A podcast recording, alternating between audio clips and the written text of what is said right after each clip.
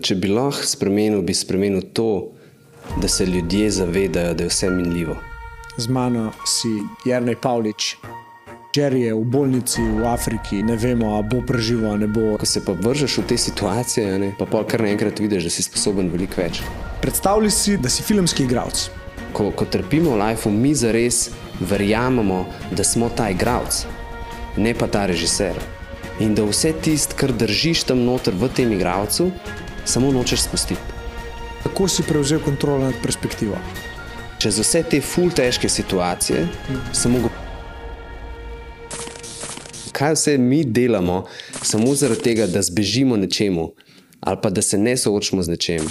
Bolano, Jerry, hvala ti, full stari. Prej greš gledati to epizodo, bi ti rad spomnil, da lahko nekaj narediš za me. Sam s tem, da subskrbiš, komentiraš, pa to epizodo deliš med prijatelji, če ti je všeč, mi boš ogromno pomagal. Veš, da od mene ne dobiš nobenih oglasov, nikjer ti ne spemam.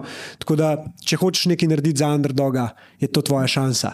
Če si že subskrbil, pa vsaka čast, hvala ti, uživi v pogledu. Vortex odpri se. Evo, naj. o, stari moj. Ker veliko se ti je zgodilo v zadnjem, kva je bilo to? Tednu nazaj, Ja, dokaj je še prišla. Sta prti na en challenge. ajde. Z mano si Jrnej Pavlič, a.k.a. Jerry, a.k.a. Jerpa. Ti mi pa povej, kdo si, brez da uporabiš svoje ime. Jaz sem vse to. Jaz sem miks vseh teh identitet, ki jih kažem na ven. Ljudem ali pa družbi ali pa družini ali pa v odnosih, ampak na koncu sem vse to. Kako bi se pa predstavil enemu človeku, če ne bi smel imena uporabiti? A, po moje, a tako, ja, če bi šel v predelnike, bi po moje, po moje, bi, um, po moje bi rekel, da sem, tako, da sem fun loving guy, da znam biti intens na trenutke, da sem, da sem relentless v enih stvarih. Tako zdaj fulejnih anglizmov uporabljam, da se tako. Če moja tašča to gleda, Ja, bo, bo spet bo rekla, ja, še enega tazga, to še enega tazga si povabil.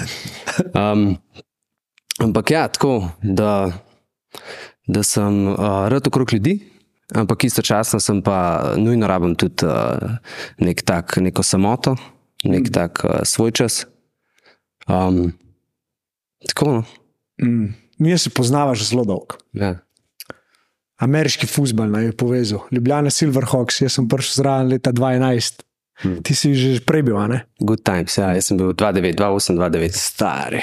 In tam so bili eni časi, preden sem jaz prišel, ko so Ljubljana Silverhawks bili v bistvu prvi klub ameriškega nogometa v Sloveniji, obstaja, obstaja mislim, dva Jurja. Ja, In ti si bil nekako ta zaključek stare garde, ki je pol ta nova ratvala, ki sem prišel jaz, pa uh, Matkič, pa Holub, pa ja. Uh, te mal, mal novejši, malo modernejši igralci. ja, Ja. ja. A se spomniš mogoče kakšne tako zgodbe, ki bi opisala, kako je to izgledalo leta 2009, igrati ameriški futbol v Sloveniji? Mislim, zgodbice malo morja. a Ne? Uh, Po moje, prva stvar, ki mi pade na pamet, je tisti Mudball. Ne vem, si ti že takrat bil.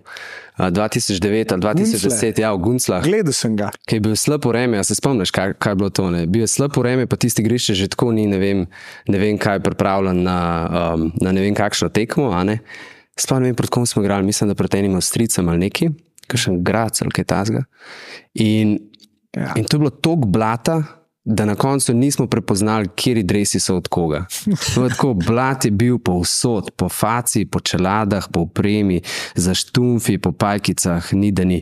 Pač ko mi smo se premikali po unmu igrišču, niti se ne spomnim, kdo je zmagal, se ni važen, ampak spomin je pa fenomenalen. Tako, po mojem, dosti pokaže na to, uh, dosti dobro opisuje to, kakšni so bili naši začetki. Tako. Star, ja. jaz, jaz se spomnim, ko sem prišel tja in sem si dal une ščitnike gor in čelado. In to smo zgledali takrat, kaj eni, ne vem. No. Pač ful čudaško izgledalo. Tako kot je zdaj, v zadnjih letih, ki smo igrali, si že zgledal no športnik, taka neka estetika je bila, Ja. tako dober si izgledal, a ne Ja. nek tak modern warrior. Ja. Takrat si pa zgledal, kaj je en mal, uh, kaj je en mal, un, mal poseben človek, ki so mu dali eno opremo gor, da se gre v drevo zabijati. Ja, kada so na ulici pobrali eh, 20-30 modelov in jim dali opremo in rekli, da je pojete špilat malo, ameriški futbol. A ni zanimivo, kako se je razvijal stari in, in koliko smo mi dejansko tega videli. Koliko si igral? Deset let? Uh, ja, vse skupaj, pa še če upoštevam Tiger, se pa tako ene deset ja, let. Ja. Deset let.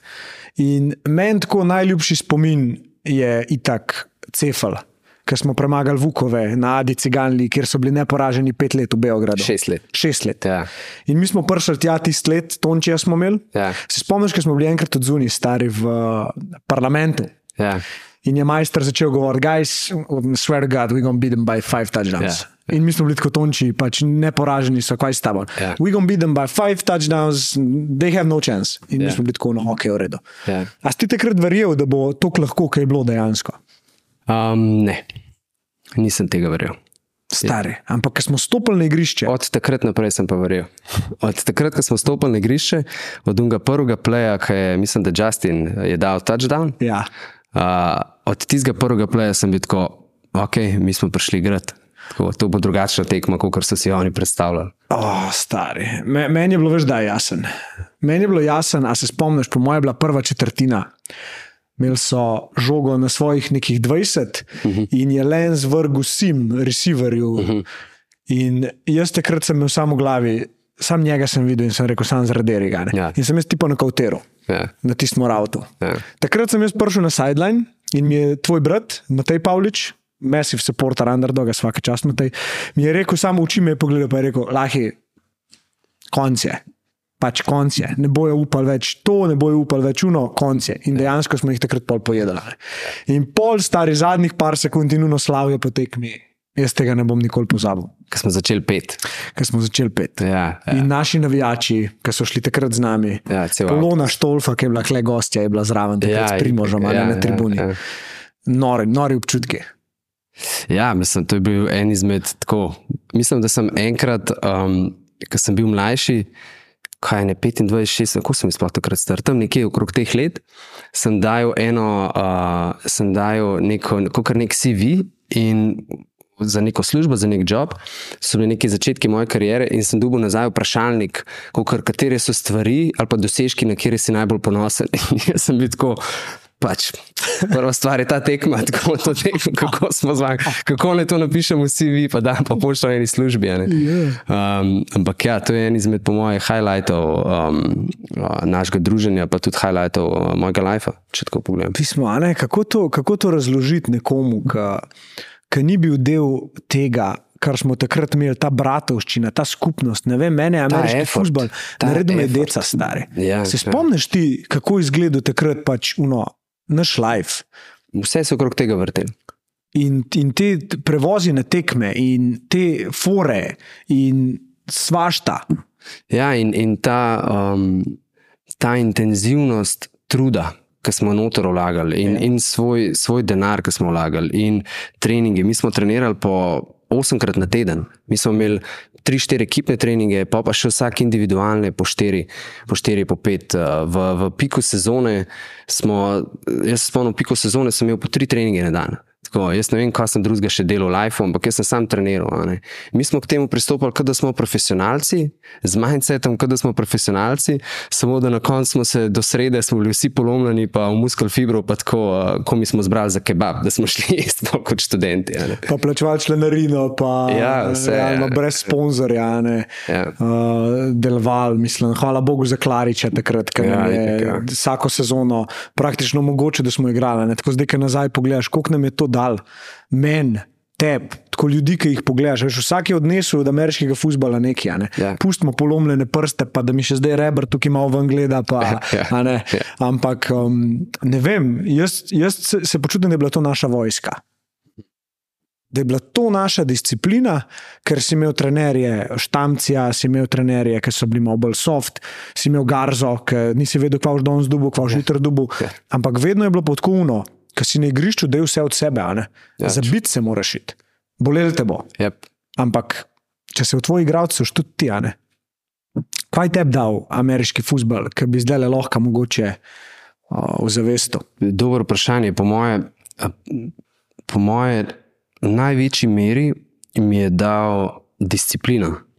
Se mi zdi, da sem se ful naučil, da um, kako se. V bistvu, kako samega sebe disciplinirati, zato da pridem do enega rezultata. Hmm. Tako, v največji meri je bilo, po mojem, to. In, in, in čez, to, in čez to se, veš, čez to na nek način, glede na to, da um, smo vsi bili noter, uh, pač ljubiteljsko, ne, sem tudi videl, da ena izmed uh, najboljših stvari v lifeu, uh, na koncu ne rabim, ali pa za stvari, ki jih počnem v lifeu, pa v tem najbolj uživam, na koncu ne rabim biti plačen. Mm. In to me danes, mislim, to me posod spremlja. Tako, v resnici skoraj vsi moji hobiji, ki jih imam malo morje, ali pa sem jih imel malo morje, v kjer se ful intenzivno poglabljam. Um, se zavedam na koncu, da, je, uh, da je ta input, ki ga dajem noter, tisti, kar me zares nagrajuje. ne. Torej, da meriš v bistvu uspeh svojega življenja po inputu in outputu zaradi tega inputa. Ja, da ga merim, v prvi vrsti, da ga merim po inputu. Zaradi Ja. ja. tega, ker tam, kjer sem najbolj um, uh, komiten, tam, kjer sem najbolj noter, uh, um, ker se najbolj trudim, kjer uh, največ energije puščam noter in uživam v tem, mm. je v resnici na koncu na nek način output sploh ni pomemben. Do štekam. Ah, nad inputom imaš dejansko kontrolo, nad outputom nimaš. Točno ne? tako je. In ti dejansko s tem pogledom na to situacijo, s tem mindsetom, si omogočeš, da je dovolj, da se potrudiš po najboljših možnih močeh. Točno tako. A mi je rad ali sestavska? Ja, ker mi smo, če se spomniš, ko smo tam 2-9, ko so vse skupaj začeli, mi smo bili. Mi smo bili najprej par let brez zmage, ne dve leti smo bili brez, ne, tako zelo slabo nam je šlo. ja pa sem pa jaz prišel. Ja, točno to. pa se je pa ekipa začela formirati. Ampak, ampak slabo nam je šlo, um, proti Vukovom sploh nismo mogli zmagati, tako pač nismo bili nek top contender. Sam mi smo še kar fajtali. Mi smo še kar trenirali, mi smo se še kar vsi polomljeni tam. Jaz se spomnim treningov z gipsom na roki, ki je folk z gipsom. pa Tako, ne. Jaz se spomnim, ki je, ne vem, um, ki je model, eh, kdo je že bil, en imel, je bil narad, ki je, ki je uh, zadnjo ložo je strgal. Proti Vukovom, finalu. Vukovom, ne, je bilo v finalu, ne, tam, Je. je. tam je šel kolen. A tam je še kolenja. ja. ja. Zdaj se res sliši, da je ta ameriški nogomet. Ja, se je bil. Valilnica invalidov, ampak, ampak, ja, ampak tako, jaz da je strgal zadnjo ložo na prvi tekmi tisto sezono. In, ali pa je zelo močno na trgu, in je fizio mate rekel, tole ne bo šlo. Ne, Ja. pač. in, in on je igral, on je čez dva tedna je igral, pač, vse tam potej pa na painkillerjih, ne vem kaj. Ja, Ja, da ja. predstavljaj si ta, nič plačen za to. Ja. Predstavljaj si nivo truda, ki ga vlagaš, pa motivacijo, ki jo zares imaš, zato da greš čez neki tasga. In, Kako krat se je to zgodilo? ja, Kakšen je bil takrat naš mindset, stari, vsaka čast, ki gledaš nazaj, to, da, da smo bili sposobni iti čez bolečino, pa uno, ali smo tako bili neumni, ali pa smo tako dejansko verjeli, da je to to, kar moramo delati. In smo najdel čast v tem nekakšnem gladiatorstvu, ki smo se ga šli. Yep. Veš, kaj zdaj nazaj pomisliš, pa zdaj me zdaj v isto situacijo. Da se jutro usedem na bus, da se 10 ur vozim na Mačarsko, zgubiti za 40 pik. Ja, Pa vem, da bom zgubil. ja. In se imam celo pot tja dober in celo pot nazaj Ja, dober. ja, ja, in, in naslednji dan grem prek študenta delati selitve. Ker prijem dan ob 3 zjutraj, ob 7 zjutraj grem delati selitve. Polomljen, kot prasec. Zlomljen, Zjutraj pojem burek, spijem kavo in sem dober do ja. 12. Ja. Okay, tudi mlajši smo bili. To je res. Ja. ja, ja. Ampak mi mlajši, pa zdaj generacije, ki so mlajše, jaz si ne predstavljam, da bi sploh kdo hotel. Ajde, večja večina, da bi hotela iti v to. Čeprav tudi takrat, sej, kdo pa, koliko nas pa je bilo, ko smo to igrali. Nekaj nas je bilo, ne 50. Ne? Ja, na enih pripravah nas je bilo 62. Starja, v ne priprave Ja, se. tam priprave. na otočcu. Ja, znaš, tam so zgodbe. Ja. Joj, to je pa nekaj najboljšega, stare. A kaj pogrešaš to? Pogrešam, veš, kaj pogrešam? Pogrešam te, tudi ta smeh. To, to, da si ti zjutraj vstal in se do konca, dokler nisi šel spat, nisi nehal smejati. Mhm. Da je bilo skozi zdrava zajbancija, da smo se imeli vsi na polno radi, da ni bilo nobenega upravljanja, nobenih grup se ni delalo. Ne? ampak smo bili vsi pač tam eno, vsak se je z vsakim zabaval. Uh -huh. Ker je bil trening, je bil trening. Tam smo imeli kazenske stvari za delati, pač, da bi bilo tako, da ja, dobro se bo odredili, pa smo se zabavali s fizioterapeutom. Ja, ja. Um, to pogrešam. Ta, ta brezskrbnost lajfa, to, kar smo bili v trenutku tam, nič drugega ni obstajalo. Ne službe, ne faksi, nič, nobenih skrbi. Yep. Pač, kaj moramo delati zdaj, le, pa kaj bomo delali čez eno uro. Ampak istočasno so bile pa upletene vse neke pomembne vrednote, ki jih hrabiš za life. Ja. Ni bilo skrbi, ampak istočasno si pa švico trikrat na dan. Disciplina. Um, ja, je bila disciplina. Um, nisi, nisi imel odgovornosti za nič, tega, ker si bil na pripravah, za nič od zunaj, za une tri dni si lahko se izklopil, ampak istočasno si vedel, da moraš dati vse od sebe, če hočeš, da, tis, da si dovolj dober, da ti zraven tebe je upravičen do tega, da igrata skupaj. Da se moraš hidrirati, ja. Da Ja. moraš jesti, Ja. da moraš iti spat, Ja. da ne moraš iti kar žurati. Dobro, pustimo ne priprave, ker smo bili tam, kjer smo bili prdobo mesto, nekaj se Ja, spomniš. ja, se spomnim. Star. To je vse ule sezone, ki smo bili cefali svoji. Ja, seveda, to, je del- to je del bondinga. Ja. Stare. Mi bi mogli iti spat, eh, drugi dan trening ob sedmih zjutraj, mi ob petih zjutraj smo prišli nazaj, smo se šli na bitke v en zakoten lokal v novem mestu. Sam smo trenirali. Odtrenirali. Smo bili tam smo vsi švicali. Ja. Garza je pa kozlov zraven, ja. pokojni zdaj Garza. ne. Ja. Ja. Je, pa, je pa na ograji tako le slonev, nas je gledal nekaj časa, kozlov česlej. Ja. O moj bog, stari. In ni čudno, da nismo nikoli ratali profesionalci. Sam so bili dobri zametki tega, tako se mi zdi. Ja, se je postavil takrat neki, nekaj, kar bi bila lahko zelo, zelo lepa zgodba, če bi bil kdo pripravljen v to investirati, če bi nas občina podprla, če bi nas država podprla, kako koli. Jaz se spomnim. Da smo v občini Ljubljani takrat, um, mislim, da si bil ti že pri Tigersih, ker smo hoteli uh, od občine Ljubljane dobiti, uh, se pravi, da bi nam pokrili igrišče za trenirati. Uh -huh. In so rekli, pač ne, ni šansa. Ne? Dobili so pa, ne vem, klub gorskega kolesarstva v Ljubljani, ki nima še ene gore, so pa dobili ne vem, 150 jurjev proračuna. In smo bili takrat tako, okay, v redu, pač vidimo, koliko je ura, pač nimamo ves, nimamo ljudi, ki bodo lezali urat, ta pravim ljudem, pač je bi ga. ne. Ja. Tako da ja, hvala Bogu, da smo imeli lune, ki so nas pripeljali dokle, ki so nas. Ja. Ja, ok. Lepo je bilo odpreti to tematiko s tabo, zato ker se spomnim tudi, um, čim se spomnim, tako povezanega s tabo. Um, kako te dejansko nisem mogel nekako marati, ker si bil na drugi strani v napadu, ne? jaz sem bil v obrambi. In sem skozi te dol butu verbalno, zato da bi te lahko premagal, ker na igrišču te nisem, ali ker si bil hitrejši, si bil močnejši. Ampak jaz sem pa imel vse unga, unga, unga psa, stari, ki se ni sprijaznil. Ja. Ki bi tako, no, ne, ne, ne, enkrat ga bom, enkrat ga bom premagal, enkrat Ja, yeah. bom premagal. In si laufal mimo in jaz sem preletel, bum, Ja, yeah, ja. pa smo oba vedeli, kako je ura. Ja, A se spomniš ja, tega? itak, itak. To so, to so eni izmed uh, lepših spominov meni. tako, da- Pa, pa v bistvu jaz se spomnim trenutka, spomniš trenutka, ko si nehal.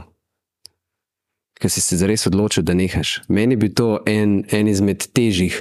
Tako, če bi mogel primerjati uh, iz, po, po intenzivnosti občutkov, bi rekel, da gre tam nekje iz uh, smrtjo moje babice, pa iz breakupom uh, z mojo bivšo po desetih letih. Veš, tako, taka intenzivnost. Spomnim se tega trenutka, ko sem se odločil, ko sem povedal bratu, jaz pa, pa Matej, mi smo bila ful v tem skupaj, ne, od prvega dneva naprej. Nekako sva vedela, da ko bo en nehal, bo drug nehal, ful nam je bil to en tak uh, brother, brother bonding time, ne, bratska stvar. In mi smo se sam pogledala. In so, tako, najprej je bilo tisto pač tako racionalno, ja, zdaj bova nehala, pač treba sporočiti ekipi. pa to. In pa v trenutku, ko so to napisala, se ne vem, sem jaz najprej, pa pametno malo kasneje, ampak v tistem trenutku, ko so zares zavedla, sem jaz tako sam pogledala, so se pa so se sami okrat začela. Fak, ja, se, se to stane. Ja, veš, ker veš, kaj pušča za sabo.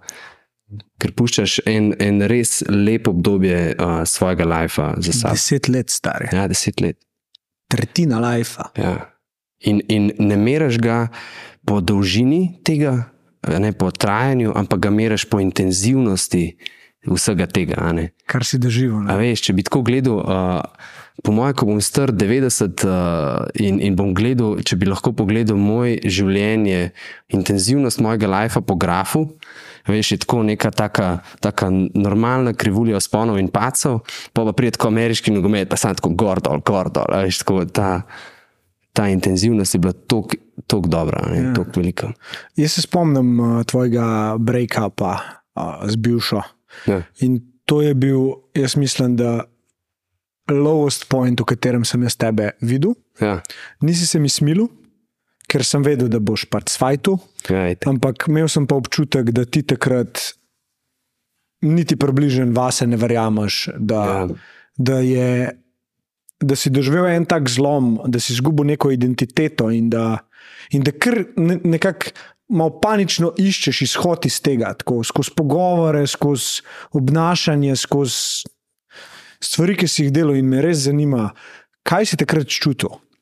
Pa kako zdaj to vidiš za nazaj? Po mojem moje si lepo povzel. Mislim, zdaj, ko vidim, ko pogledam za nazaj, to je bila ena najboljših stvari, ki se mi je zgodila.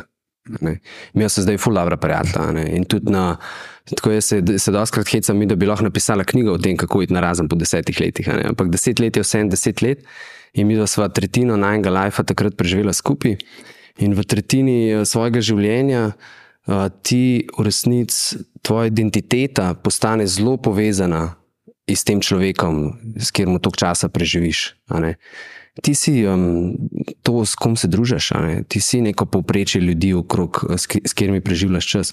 In če pogledaš svojega partnerja, partnerko, je z njim, njo preživljaš največ časa, in po enem takem obdobju je najtežje spustiti to, da v resnici nisi več to, kar si bil zadnjih deset let. Mm. In potem, ko, ko pa si pripravljen to spustiti, In seveda na začetku iščeš panično vse možne rešitve, v, v bistvu sprašuješ svet, če filozofiram, sprašuješ svet, kdo si ti. Mhm. Posod se obračaš po majhne namige, da ti, da ti pokažejo smer, kdo si ti. Ampak ko v resnici zares spustiš vse skupaj, pa vidiš, da ta odgovor vedno pride iz tebe, iz tebe ven. In, in takrat pa lahko tudi spustiš, takrat lahko prostiš sebi. In ko prostiš vse, poprostiš njej oziroma partnerju, in uh, pol, pol, pol je tam nek prostor za nove začetke. Ne? Kaj bi rekel, da je bil nek, mogoče v tej situaciji, ki si bil, če si zdaj predstavljaš nekoga, ki gre čez podobno stvar, uh mhm. -huh. nek heartbreak. Um, kaj, kaj je bila stvar, ki ti je drastično potem začela spremenjati na boljše? Če si predstavljaš en graf, šlo je s počutjem dol, kje je bil uh -huh. pač una točka, ki se je začela obračati na gor, se mogoče spomniš. Um, jaz bi rekel, več faktorjev je, ampak jaz bi rekel, ko sem si dovolil biti sam in jokat. Mm. To je bila. To je bilo tako za me ena izmed stvari. Sem, dost, na začetku, mislim, da sem sploh šel v breakup, mi je pomagala psihoterapija. Ti si, ti je tudi zgodba zase, ampak uh, velik veliko pripisujem temu, da sem, da sem se lahko z enim profesionalcem pogovarjal o teh stvarih, z enim, ki mi res lahko drži prostor in s katerim res uh, lahko imam. Um, nek, nek odprt, uh, iskren pogovor, uh, brez obsojanja, ker lahko delim sam, kako se počutim. Mm. In, in to je pač posledično vodilo do tega, da sem čez dalje lažje uh, izražal svoje čustva in da sem čez dalje lažje govoril o teh stvarih. In da sem se tudi zavedel, da da, um, da to, kako se počutim, ali pa to, kako reagiram na stvari, nisem samo jaz, nisem samo to. In ko sem začel to spuščati, ko sem začel uh, uh, si vzeti čas za to, jaz sem imel uh, sobote, uh, sem imel prav sobote na urniku, tako bil je cel teden, vse, a veš, sem imaš ups and downs, imaš cikle in tako naprej. Pa sem imel pa prav sobote, ko sem si rekel, tako ne vem, ustanem, neka svoja rutina in vse pa imam pa tako od 9 do 11 imam čas, da se zjokam. In, in sem se, in sem si dal ta čas, in sem, ne vem, ali sem šel v gost, ali sem bil doma, ali sem vem, počel karkoli drugega, ampak pač bil sem sam s sabo in dovolj sem si biti to, kar sem. Hodov stari. Mislim, da tako lepo odprto poveš o jokanju v vseh teh zadevah, vsak čast. Yeah. Um, lepo je to videti, sploh zato, ker vidim, kako zdaj to uporabljaš v hobijih, kakšno okolje okoli sebe ustvarjaš.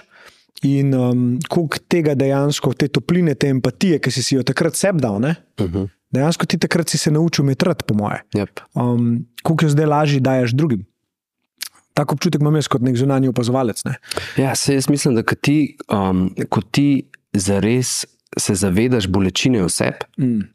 Potem lahko razumeš bolečino drugih.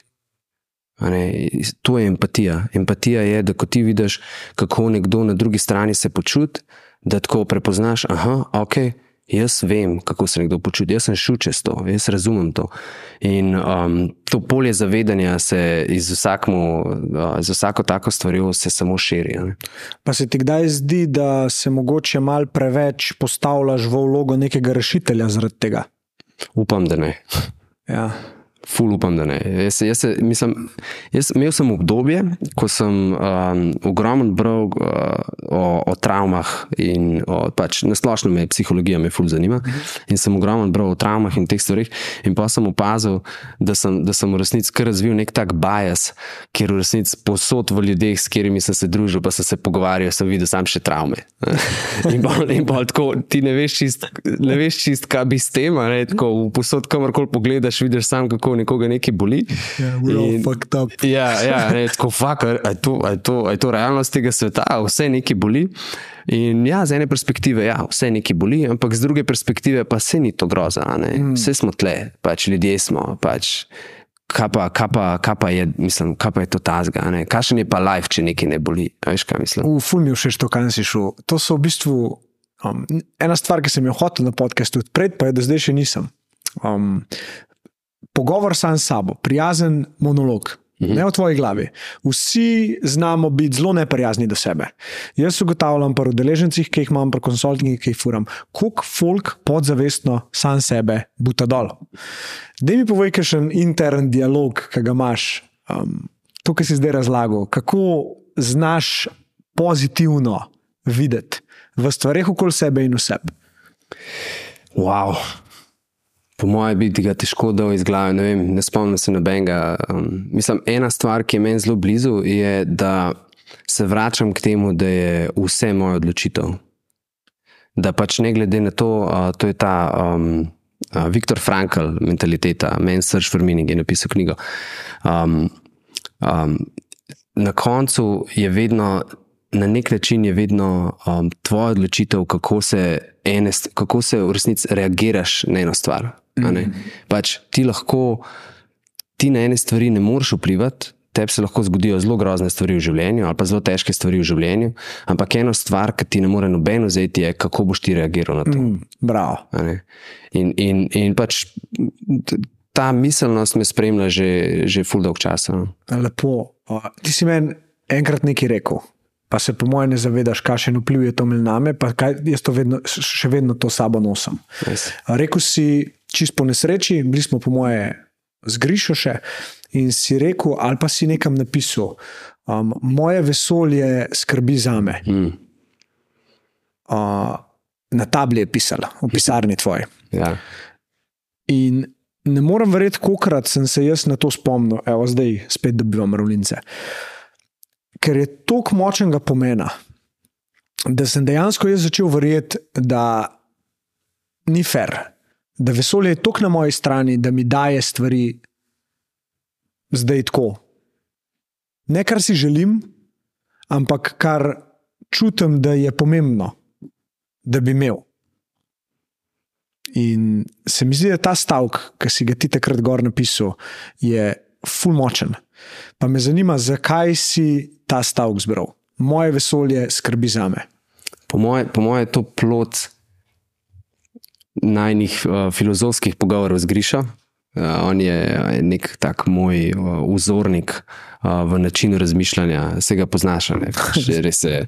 Ne, pač nek, ko bi rekel, nek, um, neka avtoriteta uh, lahko hitro postane iz vidika tega, kako pristopati k miselnosti v, v lifeu ali pa oseb.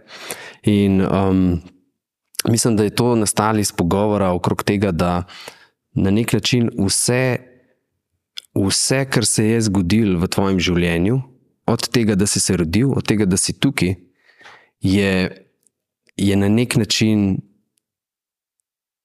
povezano z vesoljem okrog tebe ali pa z okolico okrog tebe. Ne, mi, mi tokrat mislimo, da smo nek um, ko bi rekel, nek stranski produkt tega vesolja. Kot da smo, veš, to je, to je, nek, ne vem, je to ego ali kako koli bi temu rekel, ampak mislimo, smo da smo ločeni, ločeni. Ja, da, ne? da tle si, aha, jaz sem jaz, potem je pa vse okrog, kar se dogaja okrog mene. Ne, sorry, ti si del tega, kar se dogaja okrog tebe. Ti si to, kar se dogaja okrog in izven tebe. In če si zares pozoren, če greš res globoko, vidiš, da nisi del tega, ampak da ti si to.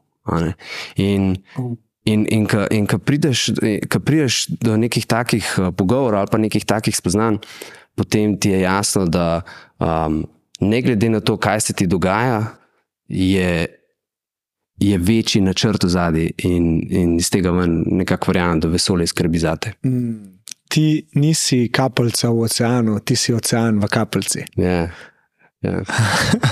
Direkt. Adijo. No. Um, to je Alan Watts, mislim, da je rekel tudi. Ja. Filozofija sama po sebi super, Ja. um, ampak ta del, kjer jaz mislim, da ga je treba tudi ozaveščati, je implementacija v prakso, integracija. Ne?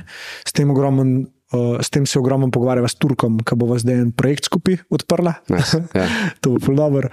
Um, kako ti neke filozofske stvari, v katere verjameš, uh, daš v prakso? Imáš kakšne orodja, kakšne načine, ki so ti do zdaj pomagali? Po mojem, bi mogla imeti um, nek bolj specifičen primer, da bi lahko uh, kaj koristnega povedal tle. Ampak Gre probat. ja, nač načeloma, mislim, fulno menih praks, ki jih uporabljam. Pa jaz, ko gledam na filozofijo, gledam dost, um, dost kot zabavo. Tako, Okej. ne, pač zdi se mi, da mi v resnici um, mi veliko velik časa, uh, zaradi tega, ker se mi zdi, da je, da je ful dober način, da ti lahko drugačno perspektivo na ta life ali pa na stvari, ki se dogajajo, zauzameš. ne. In perspektiva je na koncu vse, kar imaš. Od, od perspektive je odvisno, Wow. uh, kakšen, kakšen imaš ti uh, dan na koncu dneva, ko greš spat. Wow. To ste, um, lahko sam še enkrat. Ja. Od perspektive je odvisen to, kakšen dan boš imel. Ja. A bi rekel, da je perspektiva v tvoji kontroli? Um, ja. Okay. Povej mi, kako si prevzel kontrolo nad perspektivo. Ker jaz mislim, da 90% ljudi misli, da perspektiva ni v njihovi kontroli in da je en dan slab, en dan dober.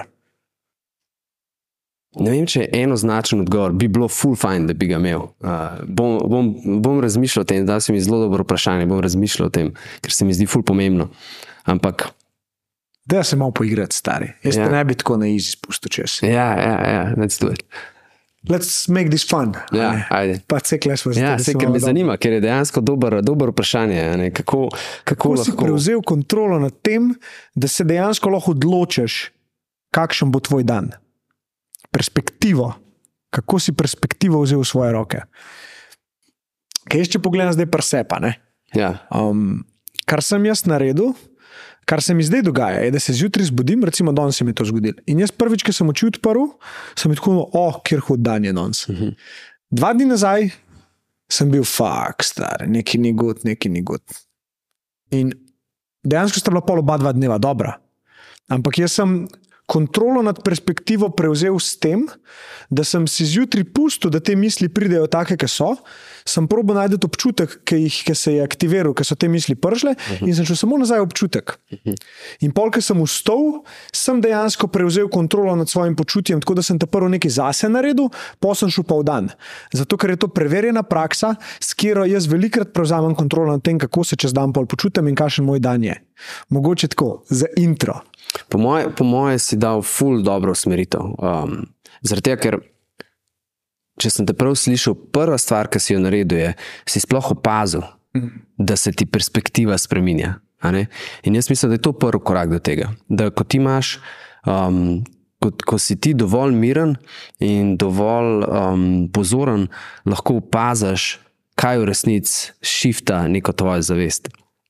In ko začneš to delati, um, veš, velikrat, velikrat se zgodi, da pač ne moreš tega spustiti. Ne? Ti lahko tudi se zavedaš, da, uh, ne vem, da, ne vem, se, da so te odpustili v službi, se zavedaš tega, da imaš, uh, da imaš slab dan zaradi tega in pač ja. ne vidiš rešitve. Ne? In, in, ja. in po mojem, v tistem, če pa se sam zavedaš, kako se počutiš okrog tega in, in razumeš, da te občutki, da, tako, da lahko zdržiš z njimi da ne rabiš nič narediti zdaj le, zato da jim pobegneš. Sprejet. Sprejet ja. Potem mogoče lahko tudi dojameš, da jih lahko spustiš, sami v občutkih govorim, se pravi, situacija ostane ista, še zmeraj si odpuščen iz službe, še zmeraj imaš kredite za plače, držino za preživeti in tako naprej. Ampak samo state, v katerem si, kar naenkrat rata manj intenziven, manj naporen za, za handlat. In po mojem, v tistem se lahko vprašaš, okej. Kje je tukaj lahko priložnost. Wow. Kje, kje lahko, kaj, kaj dobrega lahko iz tega vam pride? Ali lahko dobim nov job, ali lahko dobim boljši job, ali lahko dobim desetkrat boljši job. Um, in, in ja, pač to je tak, neka taka en tak pozitivna psihologija, en tak frame, ja. okvir pozitivne psihologije, v katerem uh, se lahko premikaš naprej. Težka je, težka je to situacija za skener. Ful si da dober primer. Če se ti zgodi nekaj zunanjega. Kako dejansko to, kako se povežeš s tem, in to vrata del tvoje identitete, se vklopijo strahovi. Medtem, ko je dejansko situacija pač rešljiva, ja. um, mislim, da te tako pač nekaj zavaruje pred tem, da ti je vse en, ja. da imaš vse ta urgency, da je treba nekaj narediti. Ampak istočasno, če sam pogledaš sebe v tej situaciji ne, uh, in če si se sposoben dati v opazovalca. Uh mhm. -huh. Torej, jaz sem en primer uporabil za en, če sem rekel: Predstavljaj si, da si. Uh, Da si filmski igralec, uh mhm. -huh. svoj najljubši filmski igralec. Uh mhm. -huh. Ti si igralec, ti kot zavest pa režiraš film. Torej, ti se odločiš, kaj se bo s tem igralcem zgodilo. Kaj bi se zgodilo v tej situaciji, če bi ti režiral film in bi tvoj najljubši igralec zdaj le mogel nekaj narediti? Kako bi se ta film nadaljeval in kako bi se končal? Ne? In Ne vem, jaz, ki sem na to pomislil, recimo, je bilo ok, v redu. Pač jaz imam furati drame, jaz imam furati filme, kjer nekdo gre čez težke bitke, ki je dol, ki ga noben ne podpira, roki, tedane, gladiator in potem pač skozi ta trial, tribulation, pobije demone, se dvigne in potem občuti mir, da je premagal, da se je potegnil ven. Ne? Torej, ti rabiš slabe trenutke, težke trenutke, da lahko tvoj film zgleda tako. A bi rekel, da je iz tega nastala perspektiva? Iz, iz tega, kar si hotel zrežirati. Se kaj perspektiva, ne? Ja. Pogled ja. na situacijo. Pogled na mojo situacijo ni bil več kle, Točno je bil tako. kle. In, mi, ja. in, in sorry, ampak, in, ampak se mi zdi, da se da zelo dobra istočnica za to, kar se v resnici dogaja, uh, ko, smo, ko trpimo v lifeu. Ker kar, ko, ko trpimo v lifeu, mi zares verjamemo, da smo ta igralec ne pa ta režiser. Exactly. In ti verjameš, ti, ti pozabiš na to, da si v resnici ti se oblekel v tega igralca, da si ti ga ustvaril in da vse tisto, kar držiš tam noter v tem igralcu, samo nočeš spustiti. Točno to je. Ja. In tudi ta mentalna masturbacija se pol zgodi, ne? ko grejo misli čez misli in ti probaš misli rešiti z več mislimi, kar ne gre. Ne? Zato, je, zato je ena ful pomembna stvar, ki bi jo res rado zaveščil še dalje in vi jo s flowsom, zdaj bo šla tja. Yes. Je povezano s telesom, da se človek začne nazaj čutiti. Ne? Da si ti sposoben niti z glave in svojo pozornost dati na srce, dati na rame, dati na kolena, nima, bilo, nima veze kam. Da prideš nazaj v ta trenutek, ker ja. ne obstajajo strahovi v prihodnosti, preteklosti, tako se umiriš, tako si daš možnost, da pol se staviš zgodbo dalje. In lahko se mi pogovarjamo tukaj v teoriji, pa v prijemih, pa o tem, kaj, kakšnih nasvete bi dal človeku, ki je v taki situaciji. Fakat, ker si v situaciji, del videti. Noben ti ne more povedati, to naredi, pa bo v redu, ker si s svojimi mislimi. In dokler jih ti, tako kot si sam rekel, ne, nisi sposoben spustiti in pač samo biti, te boje prevzemale. Ja, en, ena ful dobra uh, knjiga, ki sem jo prebral, se začne z, mislim, da je David Hawkins, naslov je Letting Go. David R. Hawkins. Si prebral? Letting Go, ja. Pač vrhunska knjiga. Pač, Ja, prebral. mislim, ta knjiga me je, me je spremenila pogled na realnost. The Art of Surrender, ne? Uh, mislim, Podnaslov. Podnaslov je tako. Ja. Ja. In začne se, prav tako se začne.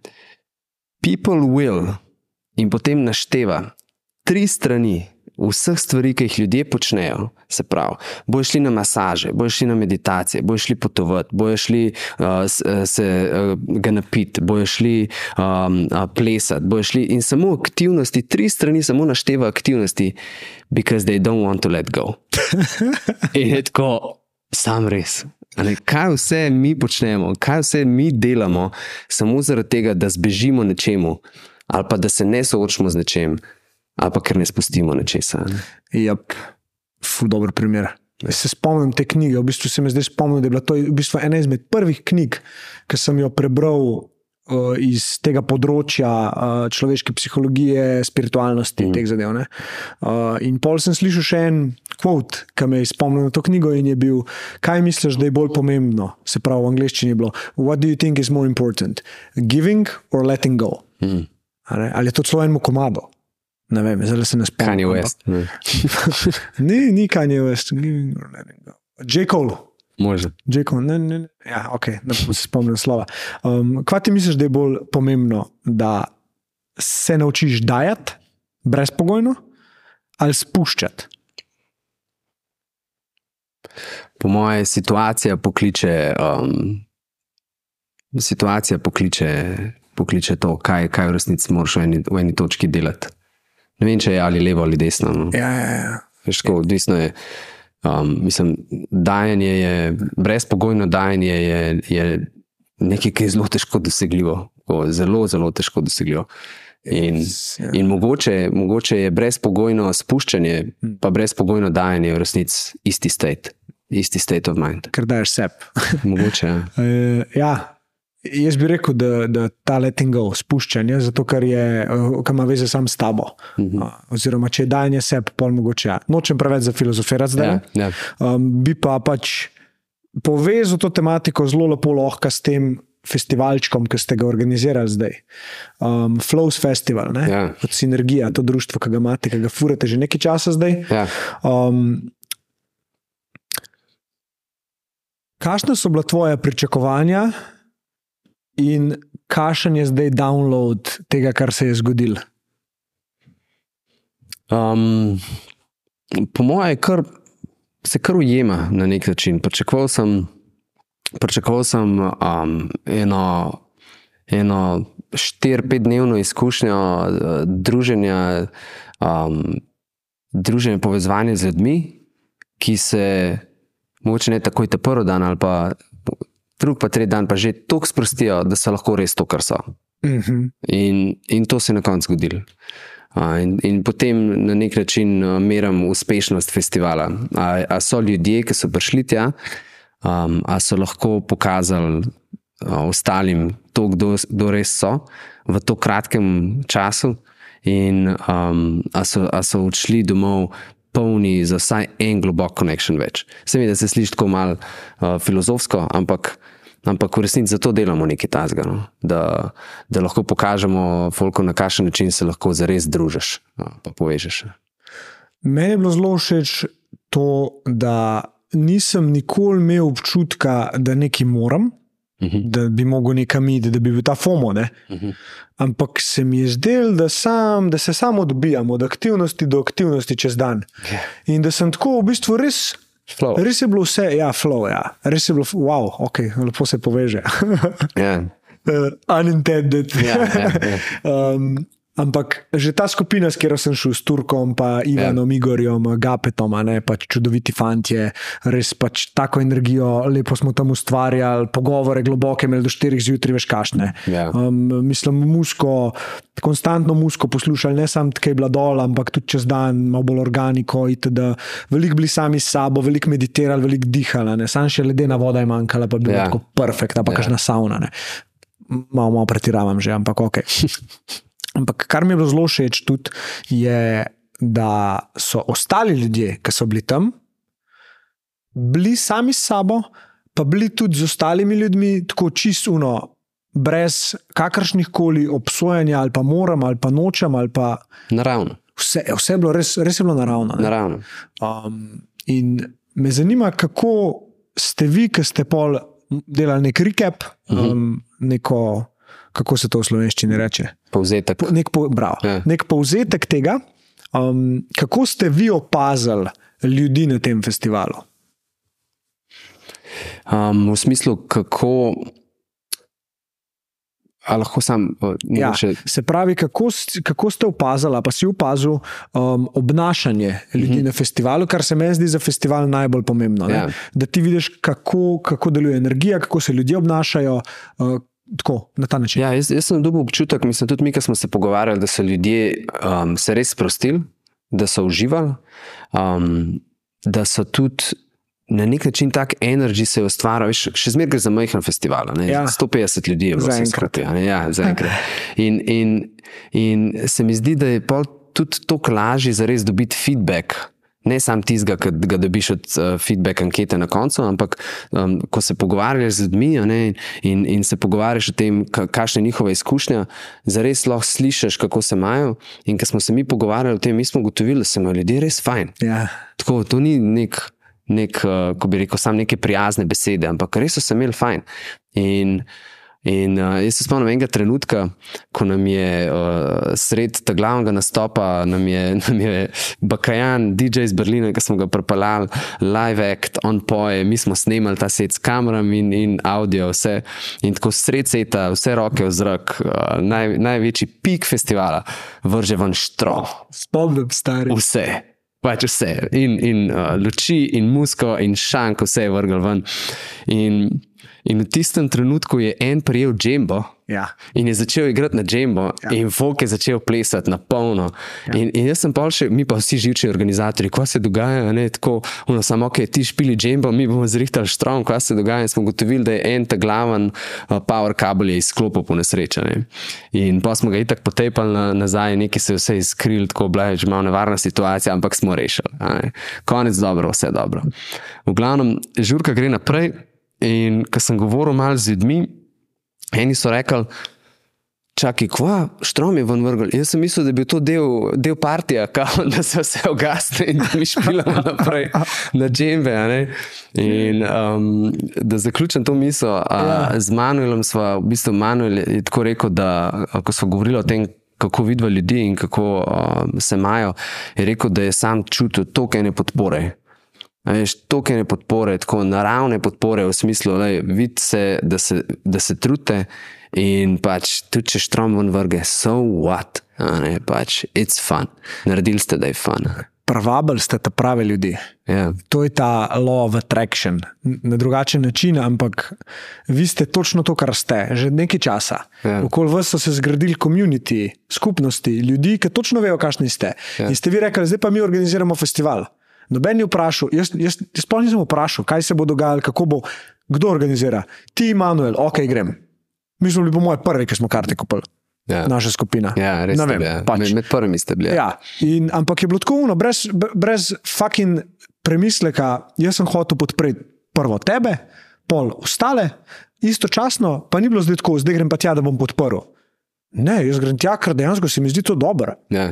In jaz, ki sem bil tam, to so se delale sklece alkohola, skoraj noč. Skoraj noč, ja, skor noč, stari, skoraj noč. In drug dan, ko sem se zbudil, vsakeč je bil moj dan boljši. Vsak dan je bil boljši, ko sem se zbudil. In prav zavestno sem zjutraj na to pomislil in sem tako, no, wow. Prva stvar zjutraj, ki jo naredim, je ne, da moram iti pit vodo, ker sem cel mačkast, ampak grem na fotelu dnevno in naredim dihalne vaje, kar mi pač sede. A te lani vprašaj, kaj je bila tvoja izkušnja? Um, ali pa kako je bila tvoja izkušnja drugačna v primerjavi s podobnimi stvarmi, ki si jih delal o, v življenju? Da bi kaj izpostavil? Ker, ker po moje. To, kar bo zdaj povedal, je ena izmed stvari, na katerih hočemo delati. Da smo res unikatni v enih zadevah, ja. ki jih lahko ponudimo ljudem. Ne? To, da niti govora ni o alkoholu, da uno, sem skozi čutil ta občutek, da moram piti, da bom, ne vem, bolj se. Ja, socialni lubrikant. Da, se, da, bo, da bom ja. bolj socialen. Ja. Ja, ja, ja. Ampak pizda noben ni stari. Ja. Se bi tako, no, fuck. Turk ne pije, a ne neki. Ja. Ivan ne pije, Igor ne pije, ta družba noben ne pije. Ne? Ja. Ti ne piješ neki, ok, Ja. sva spila, kakšen gin tonik, ampak Ja. ni uno, veš, da je boco na mizo, Ja, ja. pa gremo se ga razvaliti. ja, tako kot včasih. Ja. Ja, in je bila energija drugačna. Mi smo se ob 4 zjutraj pogovarjali, stari, take debate, ki imamo mi dva zdaj. In sem rekel, wow, to mi je bilo res všeč. Štekaš. Mm. Da ni uno neke potrebe potem. Flaša, pa une, ki dajo noter v fucking flaše, une, une, une kva dajo, une, Ja, se šviskrce, vse kao, iskri, ja, ja, ja, "U, bomo pa ja. flašo spil, pa Ja, ja, ja. neko stese zraven, pa to. Ja, ne, Fuck that, tega ni, to mi je ja, všeč. ja. Ker imaš Tomorrowland, imaš te večje festivale, tam to je. Mm. Kle tega ni bilo. Um, ne vem, koliko je zdaj una cifra, dokler ti omogoča, da bo vibe tak. To je intimnost. Ne? tako. Ja, to je, to je tudi mene zanimivo. Ker je bil ful različen folk, mislim, folk ga nisem, ker sem ga prvič v live videl, ampak tako miselnost je bila dosti podobna. Tako mislim, so bili ljudje, ki približno iste stvari verjamejo in so se tja prišli družiti. Mm. Um, tako da ta del mislim, da če to ohranite, pač ne morete zgubiti. Uh, rekel bi, da lahko zgubite, če zrastete prehiter.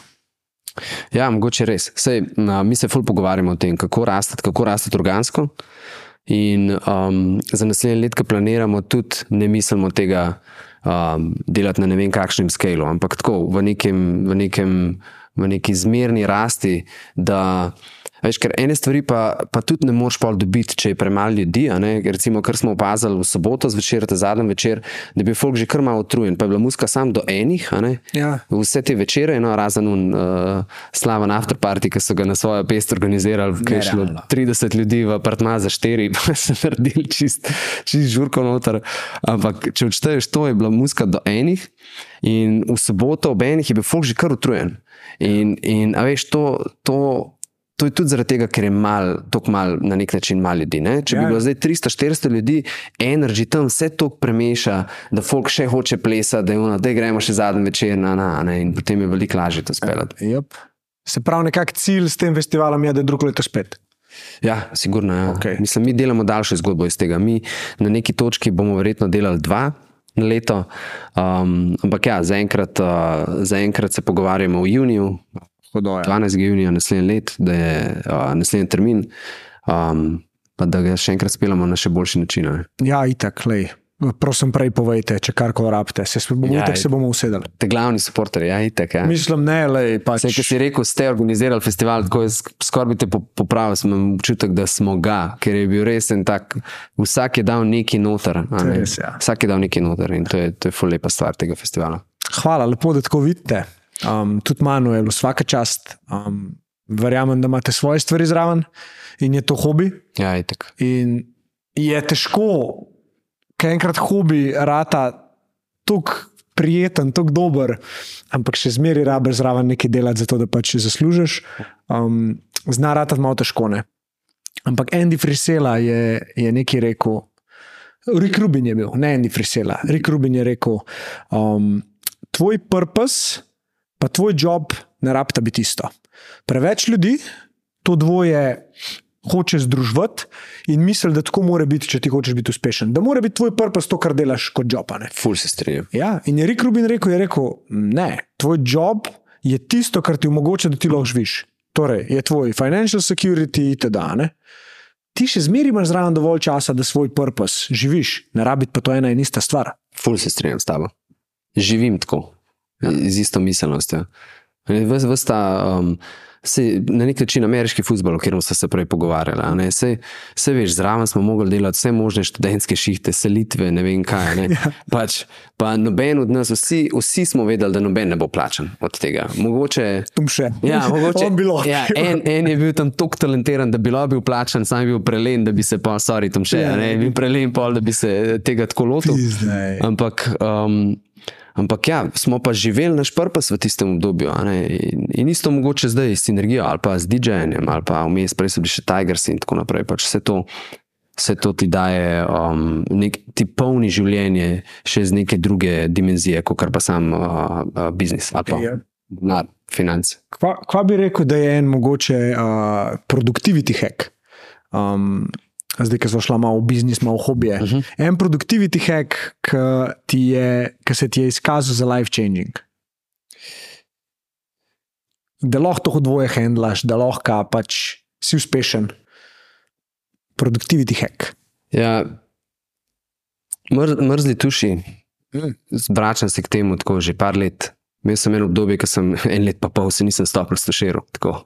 Tako da je, po mojem, mrzli tuši so en tak uh, način, da se zelo hiter uh, postaviš, tako izjutraj se postaviš na noge in si tako, ok, jaz sem redi. Kaj bi rekel človeku, ki so mu zanimivi te mrzli tuši, ki so res rad alkohol, ampak uh, ne more, ne, ne more iti po tisti prvi tuš. Kaj, kako bi ti začel? Ja, jaz bi rekel, jaz bi rekel, išči razloge, zakaj, dokler ga ne najdeš. Pač samo išči. Se jaz sem tudi že predtem, jaz se spomnim stavka, ki me je spravil v mrzlet, ki me je spravil v bistvu v en let pa pol brez tople vode. In to je bil Joe Dispenza, je, ne vem, bil podcast, je bila knjiga ali nekaj tasga, je, je rekel, kako misliš, da boš prišel, da boš prišel nekam, kamor glava hoče, če prva stvar zjutraj poslušaš samo telo. V smislu, prva stvar zjutraj si uno, oh, najprej kavica, najprej se malo segrejem, da počasi zaštartam dan, pa grem v službo, pol tam še ena kavica. Tako, In, in to mi je dalo tako misliti, sam res. Meni moja glava, kar meni tako, na nek način, moja glava pa telo tako, malo si lažeta drug drugemu. Moja glava hoče, da sem na polno uh, motiviran, pa da sem na polno uno, gremo, gremo, gremo. Telo je pa tako malo, jaz bi še mečkan spal, jaz bi še malo snuzel, jaz bi še malo, uh, ne vem, eno kavico, preden se lahko začnem zares pogovarjati o biznisu in tako naprej. Um, in pa sem jaz tako rekel naslednji dan, škva, jutri zjutraj bom pa vstal. In bom šel iz prve podmrzle tuš tako, ne bom, ne bom razmišljal. Ne bom razmišljal. In sem šel in sem mu rekel, ok, to je pa najs, nice. in pa se sem let pa pol tuširal iz, iz mrzlo vodo. Hudo. In se še zmeraj so strahovi, še zmeraj so uno, ne. A veš, ko uno, a greš se delaš mrzlo tuše. Ja, ja, ja. A veš, une, une fore, ki jih imaš, ki je res zima v zunije, minus Pač, pet. Ne gre, gledaš ga, Ja, kar nekaj brisačev Če me popravljaš. zebe, še prej grem ja. a spodaj. veš, kar nekaj stvari delaš, pa tako brisačo malo popravljaš. Malo se, Ja. se pimpe Ja, komponiraš. tako malo, tako gledaš na okrog, kaj za zrihtati, preden boš dejansko mrzla voda, še zmeraj je to. ne? Ampak Ja. pač veš, zakaj to delaš na koncu. ne? Ja, ja. Tako ja, Strah si umenil. strah je. Ja. Da mi povej en strah, ki si ga premagal. Uf, dobro vprašanje. Wow, ful dobro vprašanje. Hvala, Jerry. Se trudim. Strah, ki sem ga premagal.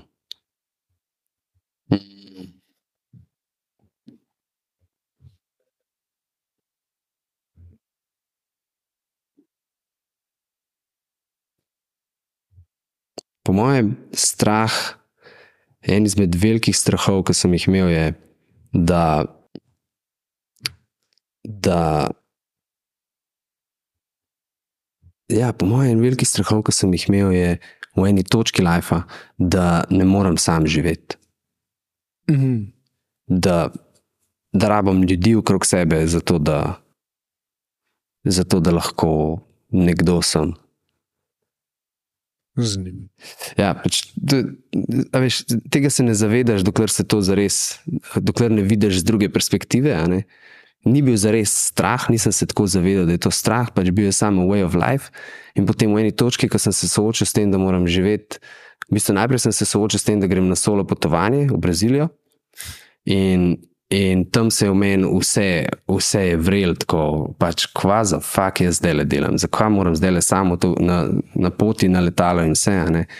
Um, mogoče malo backstoryja. Da, Dej, ja, dej, dej, dej. Ok. Okay. greva tja. Ok, malo backstory. Bravo, dobro, da si prevlekel to Brazilijo, jaz sem pozabil na njo. Ja, no, pač, v, v eni točki um, um, moje, moje zveze takrat je, um, je bila odločitev, da, da pač, ker nisva sposobna skupaj iti na, na neko potovanje, da bom jaz pač šel sam. In jaz se spomnim trenutka, ko sem kupil karte, sem bil tako. Ali sem, ali sem car, ali pa sem res največji kreten, kar zdaj le delam. Ne? Deset let sva skupaj, tako še vedno sem si želel ostati z njo in vse, ampak jaz zdaj le potujem v Brazilijo. ne. In pol, čez nekaj časa je, sem dejansko mogel na letalo, in jaz se spomnim, ko sem zaprl vrata od stanovanja, za me je bil tako intenziven, gost občutek tega, da nikoli več ne bo isto. Tako, jaz puščam ta life za sabo, jaz puščam njo za sabo, jaz puščam ta flat za sabo, jaz puščam psa, ki je tam mahu z repom, ne pa se poslal od mene. Jaz puščam, Oh, jaz fuck. puščam ta life za sabo. Pa vem, da je sam tako, ja, pač model šel si v Brazilijo, me bil si na plažah. True. Ampak jaz sem se zavedel tveganja, iz katerega grem jaz v Brazilijo. Da grem brez nje na nek način in da, in da bom prišel domov drugačen. In, in potem sem šel na, na letalo in vse, in meni je tako, no, kaj jaz delam, stari, v eno najbolj nevarnih držav grem sam, prvič sam potujem. Tako, sploh ne vem, kje bom spal, tam v Sao Paulo sem prišel na letališče, nisem imel signala, sim kartice, nisem mogel kupiti, ker je bilo ne vem kaj, rabaš neko identifikacijsko številko, ne vem kaj. Ugotovim, da se moram furati z busom v center Sao Paula ob polnoči po noč. iz dvema, iz dvema ruzakoma, enim ogromnim na hrbtu, za enim od spredi, tako sitting duck, zato da me Evropajo, ne pač hodim tam po enem mestu. Google Maps mi ne dela tako nič. In jaz moram priti do enega hostla. In, in, in tako na nek način. A veš, ko, zač, ko pa vidiš, ko greš in sem se soočil s tem, sem pač rekel, fuck, it, zdaj sem tle, let's, let's make this work. a ne." In pa vidiš, delaš korak za korakom, tako najprej se vse stresaš, kje sem jaz, kaj jaz delam. Pa pa korak za korakom vidiš, da je v resnici veliko bolj safe, kot misliš. In posledično, um, čez cel ta nek trip sem imel ogromno nekih usponov in pacov, tako bil je, zares je bil.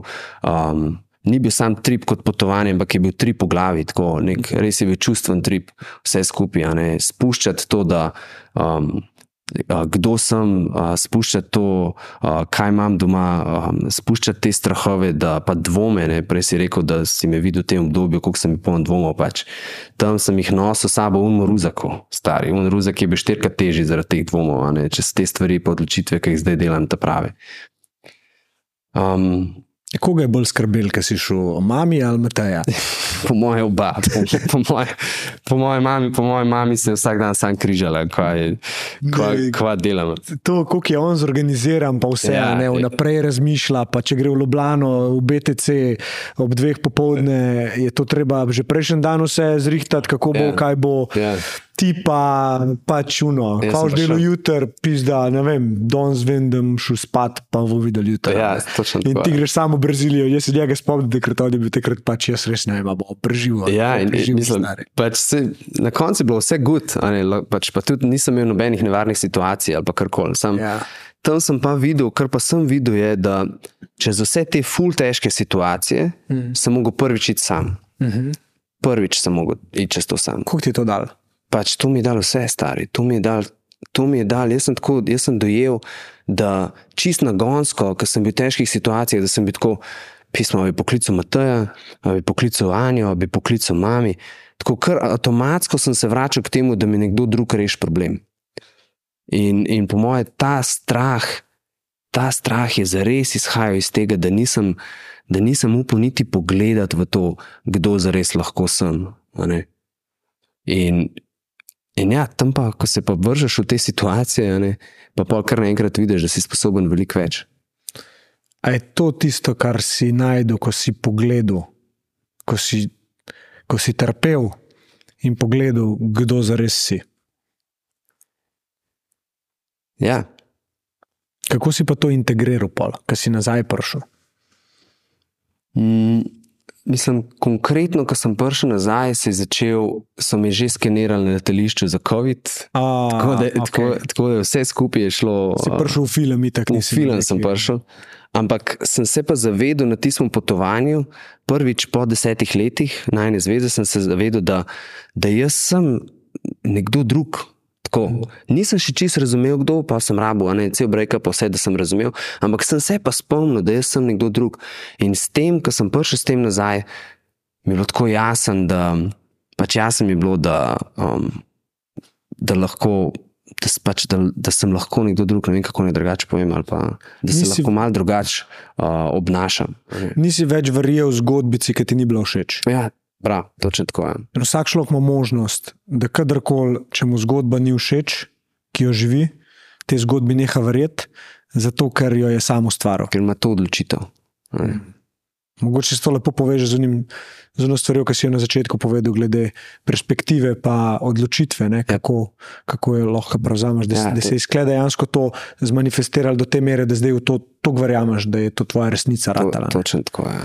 A je, bilo, um, a je bil občutek, pol, ki si šel v Kolumbijo, si šel kdaj, dve, dve leti kasneje? Tri, um, tri leta kasneje. Vmes sem bil še v Afriki sam, pa tako da sem nekaj. Ja, smo mislili, da te bomo zgubili. Uja, tam je bilo pa res malo stari. Kdo mi je povedal, no, kdo mi je povedal? Jerry je v bolnici v Afriki, uh, katastrofa. Uh, ne vemo, ali bo preživel, ali ne bo. In jaz sem bil tako, no, kva, da fuk se dogaja s tem live-om zdaj. Le. Kje si bil, Zanzibar? Ne, ja, Zanzibar. Ja, ja. Ja, Zanzibar sem bil uh, in sem kaj, nek tifus sem dubo ali nekaj tasga. Ampak prej nismo pogruntali, da je tifus, sem imel že 5 dni 40 vročino oh. in, in sem bil že moder v brus in vse in potem sem končno, pa mi je prek, prek v bistvu, ker tam v bolnici so mi kar neki dajali, kar ene tablete so mi dali, pa neki so mi krije mal, pa ne vem kaj, pa neke injekcije. Tako, čudna scena, ki zdaj pogledam za nazaj, ker so mi testirali za neke malarije, pa ne vem kaj, vse pa še COVID je bil in tako. Noben se pa ni spomnil, da bi mi dal fucking antibiotika. Ne? In pač takoj, ko sem dobil en antibiotik, mi ga je nek doktor tam, ki je že bil na Zanzibarju, pa drugač bil ne vem, nekje iz Južne Amerike, ki mi ga je predpisal, sem bil tako v dveh dneh, sem bil tako, recimo, da nazaj na, na 70 posto. Ja. Hvala Bogu. Ja. Kje je bila, pa, kaj pa pol, pa, pa Kolumbija? Ne? Pa pa Kolumbija. Ja. Tle si bil pa že vešči potovalec. Ja, tle je pač tako že malo. Že uživati. Ja, tle veš, kaj se spuščaš, tle veš nekak tveganja, tle veš, kako potovati. Čist drugo, ne. A, a kaj pa bi rekel, da kje si imel občutek največje nevarnosti? Um, po mojem, nikjer za res, da bi, da bi se počutil za res nevarno, nikjer. Pač vem, kje sem slišal največ nevarnih zgodb, ali pa kje so me najbolj opozarjali, okrog Rija Dežanera. Pa letos v Kolumbiji sem, sem pač direktno govoril z ljudmi, ki so videli trupla, ki so, so jih krteli pripeljali na, na dvorišče. Ampak, um, veš, jaz bi rekel, da. da V Braziliji sem tudi jaz šel malo v ekstreme, pač, tega, ker nisem čisto vedel, kaj se spuščam. In sem bil že tako v tistem modu, da strah, jaz se moram s strahom soočiti. Sem kar jaz sem šel v ene ekstreme, butaste ekstreme. Sem tako na, na sredi de Janeira, so neki, um, neki klošari, brezdomci so igrali neke inštrumente in jaz sem šel kar zraven plesati. Pa tako neki narkomani so bili zraven, pa tako. Jaz sem tako, tega me je strah, jaz se moram s tem soočiti. In sem pač tam z njimi plesal, sem se imel full fine, bilo full dobra izkušnja. Pa to sem zdaj, ko pogledam za nazaj, sem bil tako, a sem res, a sem res rabo to. Zakaj? Ja nisem rabo tega. On, ja. pač, zdaj, zdaj pa, pa tudi, pa tudi pol, no, vem, in v Afriki in, um, sem šel sam gor nekam na eno jezero. Uh, mislim, da je mesto bilo Muanza, ki sem videl v, v petih dneh, sem videl, po moje, dva bela turista. In, in tudi tam sem se tako znašel v nekih kočljivih situacijah. Pa tako, um, pač, vem, v, eni, v, eni točki, v eni točki sem dal, uh, sem, sem pač videl, da so ljudje lačni in sem šel kupiti banane. In sem tako, jaz bom zdaj dal tem ljudem banane. Stari, to je bilo tako, kot kar greš v morje, v koralni greben s kruhom v roki. Až tekaš to. To so mase, ki tako inate, vsi ljudje proti meni, tako začeli trgati banane iz rok. Ne pa ne tako ljudje, um, bi rekel, da, da, da bi se počutil varno v njih, ampak tako ljudje na robu preživetja. Oh, Samo tako, ta model daje banane, jaz rabim to banano, prej kot drug pred mano. In pač take stvari, ja, veš. Pol, um, ampak ja, pol v Kolumbiji, pa tako še kje druge, sem pa že vno videl, da ne rabimo neke ekstreme hoditi, da, da pač ne, rab, ne rabim tega. Ne rabiš si več dokazovati. Točno to, bravo, lepo si rekel. Ne rabim si dokazovati. Ja. In tudi, ki si nazaj prišel, si, a si tako imel občutek, da tudi v življenju, ne, jaz imam zdaj v tebi zelo lep občutek. Tako, Neš ne rabiš dokazovati, jaz tebi ne rabim več dokazovati. Se mi zdi, da smo tako oba naredila en tak podoben preskok, ne ja. miselni. In je odnos ful lepši, in vse je ful lažje. Ja, ful lažje teče vse. Ja. Ja. A misliš, da je to ena taka stvar, ki bi ljudje lahko malo več um, pozornosti posvetili, pa na njej dejansko delali, da bi se odnosi izboljšali? V smislu uh, dokazovanja? Ja. Da kaj moram zdaj jaz temu človeku dokazati, da sem, ja. da mu bom všeč? Ja, to se mi zdi, da je ful. Um ne nujno sam z leti pogojeno, ampak če pogledam za nazaj, se mi zdi, da mlajši, ki smo bili, bolj smo to rabili. Ja. Bolj smo se hoteli v nečem dokazati, bolj smo tudi tekmovali, bolj smo se primerjali. Se ne rečem, da se zdaj ne, ne? Se še, vedno, še vedno se najdeš uh, v, v nekih situacijah, ki si tako, fuck, hej, njemu gre tako dobro, meni pa še ne. A veš, kaj mislim, to je čist. In, in sprejemam to, ampak um, po mojem, v trenutku, ko začneš uh, spuščati to potrebo po dokazovanju, se to lažje poveže z ljudmi, da je to nevrjetno. Pol, pol, pol v resnici zgine. Um, Veš, pol, pol zgine tista potreba po tem, da moraš ti nekaj narediti, zato da te nekdo sprejme. In samo pač se zavedaš, da je v resnici sprejet. In če slučajno nisi, se lahko vedno greš stran. Ja. To ne, še ne pomeni, da zdaj tudi ti njega ne smeš sprejeti. Pač ti sprejemaš potem to, da nekdo še ni čist tam. In um, ta flow, ta connection, te pogovori, ta um, energija lahko fulaži steče. Dokazal si, si to s temi, zdaj bolj, ker razmišljam, bolj mi je jasno, da je ta samota, ki si jo tam doživel, da je bila točno to, da si ti sebi uh, dovedeti, da jaz sem sebi dost. Uh mhm. -huh. Deva več fokusa na to, da vidiva, kako je lahko ta verzija mene, ki je pristna, še boljša. -huh. Ne kako je lahko neka verzija mene, ki ni pristna, všeč drugim. Ja, točno tako. Uh, ta je lepa. Um, Da mi povej en na svet, ki si ga dubil, pa ti je najbolj ostal v spominu. Uh. Pa mogoče, če, če se spomniš, kdo ti ga je dal. Okay, prv, bom, bom, ne vem, če je najboljši na svet, ki sem ga dubil, je pa zelo dober na svet, ki sem ga dubil in je povezan malo s tem dokazovanjem. Ha? In bil sem enkrat na um, en izmed mojih prvih uh, live performancev, ki sem DJ-jev, sem bil na radiju študent in, sem, um, in to je bil en četrtek ob desetih zjutraj. In jaz sem tako pač živčen, pripravljal sem ta set, naprej sem si ga pripravil, vse in jaz spremem na radio študent, tam vsi ful na kolerani, veš vse. Le tam imaš mešalko, ko boš začel, mi sam da je znak, jaz bom te spustil v eter, paroli, a ne. Jaz ko good, cool, naložim ključek noter, spustim prvi komat, cep, mačkam se ga že vajbam, 3-4 minute malo plešem, rolam, pripravljam drug komat, ugotovim, da ta drug player ne dela. Pač dela na nek tak čuden način, da, da sploh ne moreš tempa ujeti, tako totalno zjeben, kot da ni imel grida normalno gor nastavljenega ali ne vem kaj. V glavnem, ne mogoče je bilo lepo zmiksati trek, ne mogoče. Ja. In jaz kličem, jaz kličem tistem, kličem Blaža Peroša, evidenta. Zdaj je rolo na Flowsi. Car. Je pač car, pa vrhunski. Ful, ful redu, tudi uh, kot človek, tako jaz sem se pogovarjal z njim 15 minut, prav užival sem. No, on, on ima uh, malo morje na svetu, če me vprašaš. V glavnem, jaz ga kličem. Pravi, blaž, ti pomagaj mi tako, jaz sem v etru zdaj, jaz ne vem, kaj ne naredim. Uh, tole bo totalno zajeben miks, ne, pa če ta drug komad bom že čist zafušal, imam še par sekund, da ga spravim, kaj ne naredim. In tako blaž najprej tako preveri dve stvari, če sta tehnične, jaz pravim, ne, ne, pa prav. Ja, noč boš saj razumel, da nisi tako pomemben.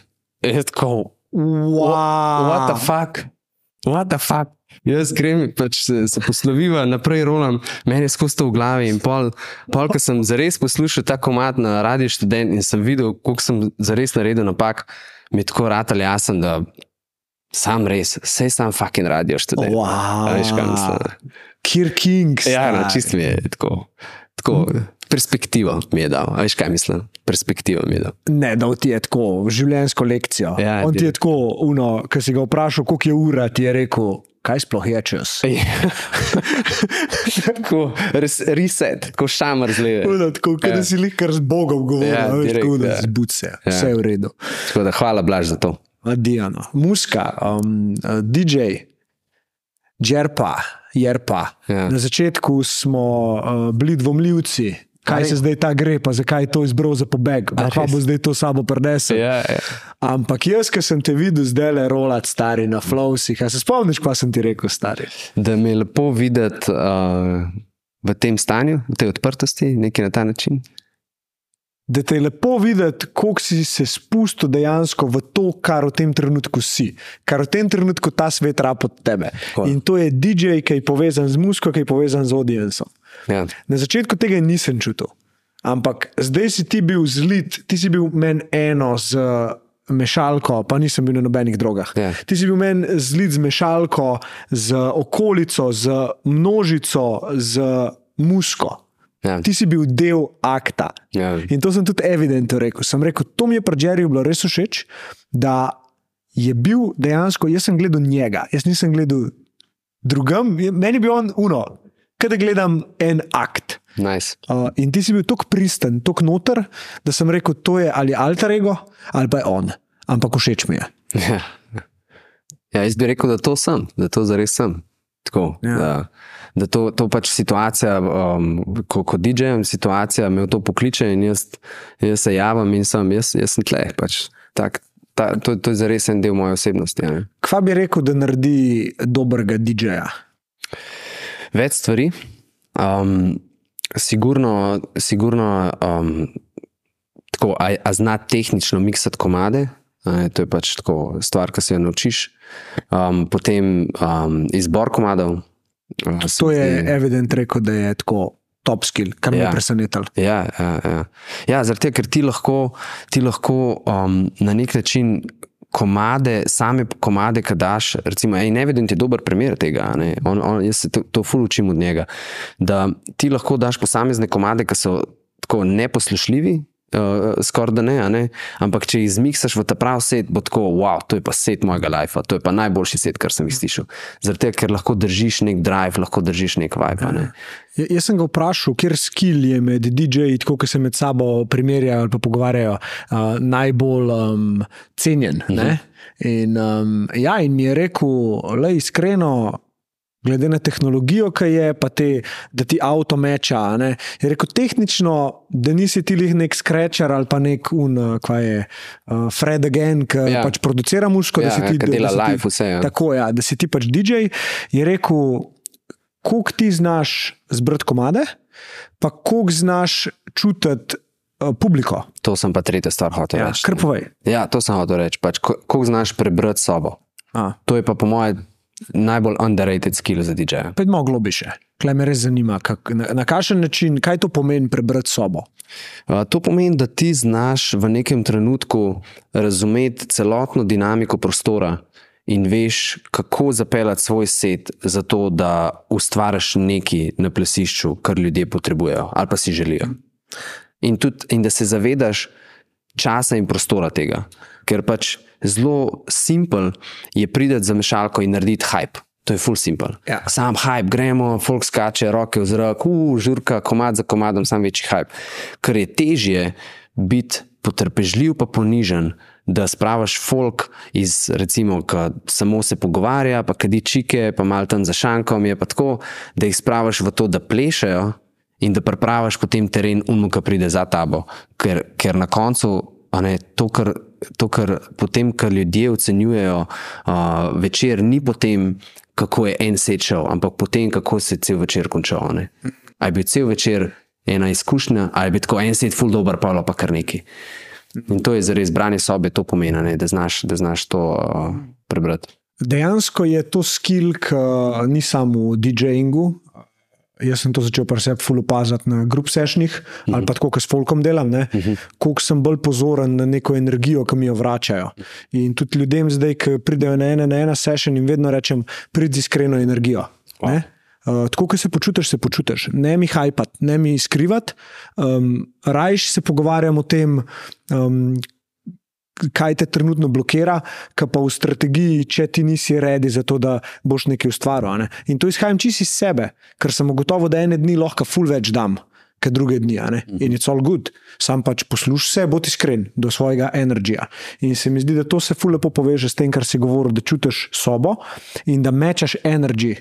Torej, da ti v bistvu si tisti, ki vibracije sinhronizira, da pridejo na tisti isti nivo in sam dela. Ja, A ne, in cel prostor isti, isto vibrira. Ja. Uh, tako da, tako da, ful dobro. a. A si mogoče. Um, Prej sem te vprašal za en nasvet, ki ti ga je en dal, ki ti je ostal v spominu. Kaj pa nasvet, ki si ga ti nekomu dal? Pa si tako, mogoče za nazaj, ki pogledaš, pa pomisliš, pizda, to sem pa res dobro svetoval. Ali pa da ti je ta človek rekel, ta nasvet, ki si mi ga dal, mi je pa res ostal. Um, spominu. nimam nobenega v mislih. Tako. Sem, sem po mojem že nekaj dal, ampak ma- imam pa mnenje okrog tega. Jaz mislim, da se, um, da se daje ful preveč na svetov, ko ljudje ne prosijo za njih. Tako, to. Da se daje ful preveč na svetov, ko, ko ljudje, ko ljudje ne. ne prosijo za njih. ne. Mm, Um, okay. Seveda je po moje, ko ljudje so odprti in te prosijo za nasvet, je, um, je, res, je res pomembno, ali pa je lahko res uh, ena prelomnica za nekoga, ki mu daš en dober nasvet, ali pa mu daš neko dobro usmeritev in tako naprej. Um, ampak. Danes, ko se pogovarjam z ljudmi, pa ko, ne vem, grem na kakšen sprehod, ali pa ko, ko imam take iskrene pogovore, kot kar zdaj s tabo, mm. doskrat se ljudje odpirajo, pa ne prosijo za nasvet. Sam pač odpirajo se, sam tako rabijo nekoga zraven, ki lahko zdrži s tem, kar imajo oni za deliti. In tako mi pa gremo avtomatsko v to, to je, se, se mi zdi še posebej moški. Ne, mi gremo pa avtomatsko v to, ja, valjda, ti moraš popraviti to, pa to, ti moraš rešiti to, pa to. Stari, jutri zjutraj se pa je zmrzlo vodo širiti. Veš, to je tako klasika, neka naša klasika. In se mi zdi, da, um, ja, da, da čeprav so pomembni, ko te ljudje vprašajo za njih, je mogoče uh, toliko bolj pomemben tudi, da znaš. Um, Da znaš sam držati prostor, takrat, ko te. Držati prostor, dati dat možnost, ne obsojati. Ja. Ne. To, ta je tako močna, stari. Občutek, občutek mislim, meni, meni so to ljudje začeli govoriti in pol sem ga začel zaveščati. Ampak ta občutek, da nekoga ne obsojaš. Koliko ljudi res lahko zasijajo tako, um, ne vem, nek, tako, kot da bi en plamen v njih, rado mal večji Ja, za tisti trenutek. Uh, in, in tudi ti to delaš. Uh, tako pač, no, lej, jaz sem kle, pač povej mi, ne sam poslušaš. Ja. Uno, prav, prav, ni, ni zdaj to.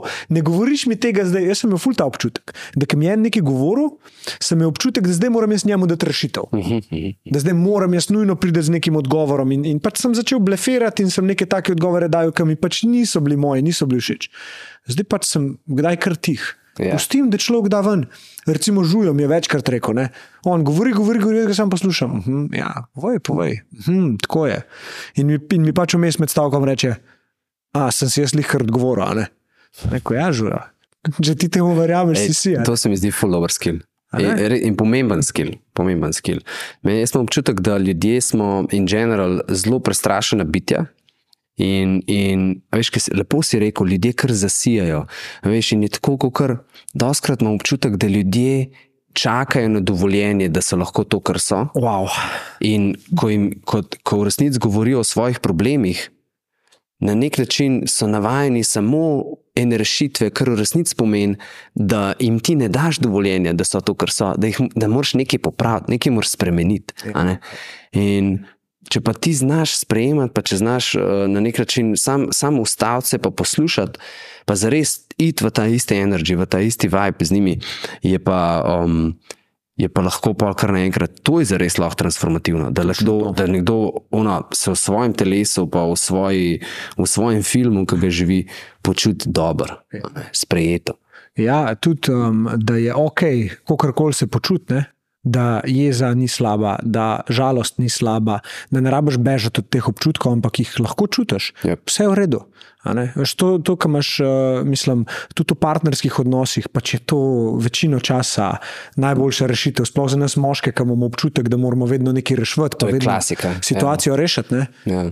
Ne, ženska, če čutiš trenutno, da si sitna, fucking bod sitna. Čisto vse je, kakšno identifikacijo temu čustvu damo, če čutiš, je resnično. Ne to, kar ti misliš, ampak to, kar čutiš. Ja. Bod to. Distanciraj se, ne plec zgodbic, jaz te imam rad točno tako, kot si. Ne? In pač pol prideš nekako do tega, da si te stvari malo bolj poveš, in takrat ni več uno narobe, zdaj moram pa nekaj spremeniti. a Ne? A pa jaz pridem mogoče malo razfukan dam, pa da ona misli, da je kaj pa je, kaj pa boš, Ja, ugibanje je tako. Ne? Co, je vse v redu? Ja, mal sem, uh, mal sem overloaden z vsemi informacijami, moram mal imeti čas, super. Če kaj rabiš, sem klep. Hvala lepa. Ja, in jaz, veš, kaj bi dal ljudem, recimo, bi dal um, nek, nek poziv, da tudi sami lahko povejo, kaj rabijo. A ne?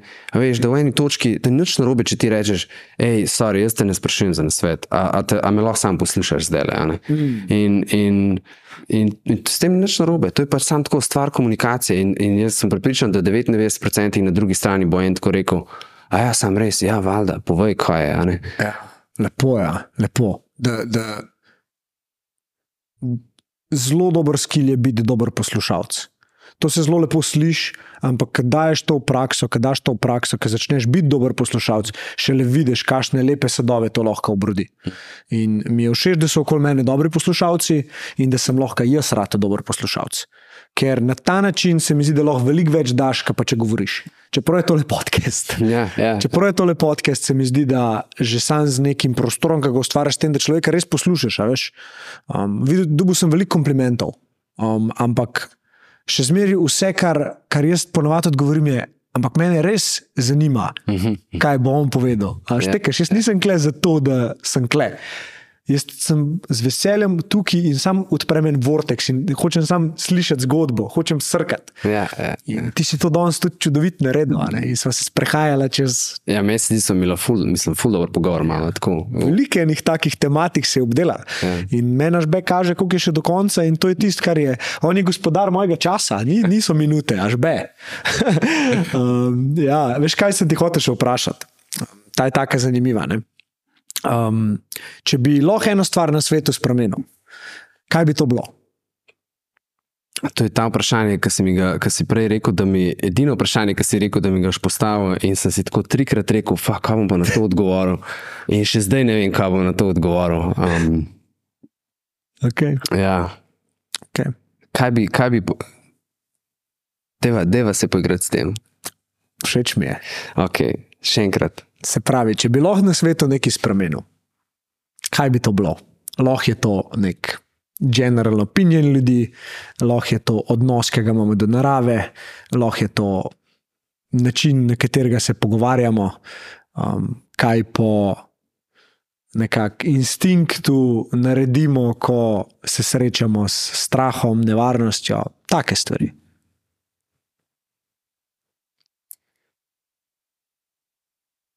R, če bi lahko spremenil, bi spremenil to, da se ljudje zavedajo, da je vse minljivo.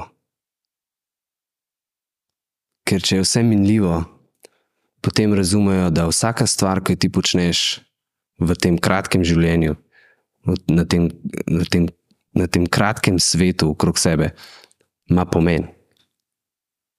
In če bi lahko, če bi lahko kaj spremenil, bi po mojem spremenil to. Da ljudje se zbudijo iz tega. Memento mori, ja? Meni to morajo. Ja. Kdo je že rekel, da ima vsak dva življenja, drugo se začne, ko ugotoviš, da imaš samo enega, Točno tako je. Ne vem, kdo je to rekel, sem se slišal že večkrat. Ja. stoična. Ja, pa če povežemo v full circle, uh, to, to so isto rekli za ameriški futbalerji, da pravijo, ne, da dvakrat umreš. Ne. Pač enkrat, ko pač umreš, pa prvič takrat, ko nehaš igrati ameriški futbol. Ja. Ja, full circle. Ja, evo ga, full circle. Ja, Jerry, tole je bilo čudovito. Za konec te bom samo eno stvar prosil. In to je, da mi poveš, kaj bi sporočil svetu, če bi jutri umrl.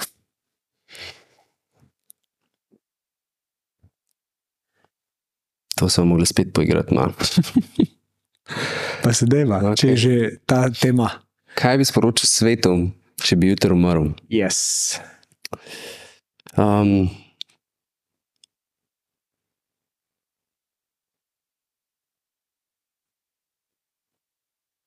na nek način, da ne. Don't take, don't take things too seriously. Na nek način. Ne imeti stvari preresno. Točno tako je. Ampak, če veš, če svetu pomoč v angliščini. Ja.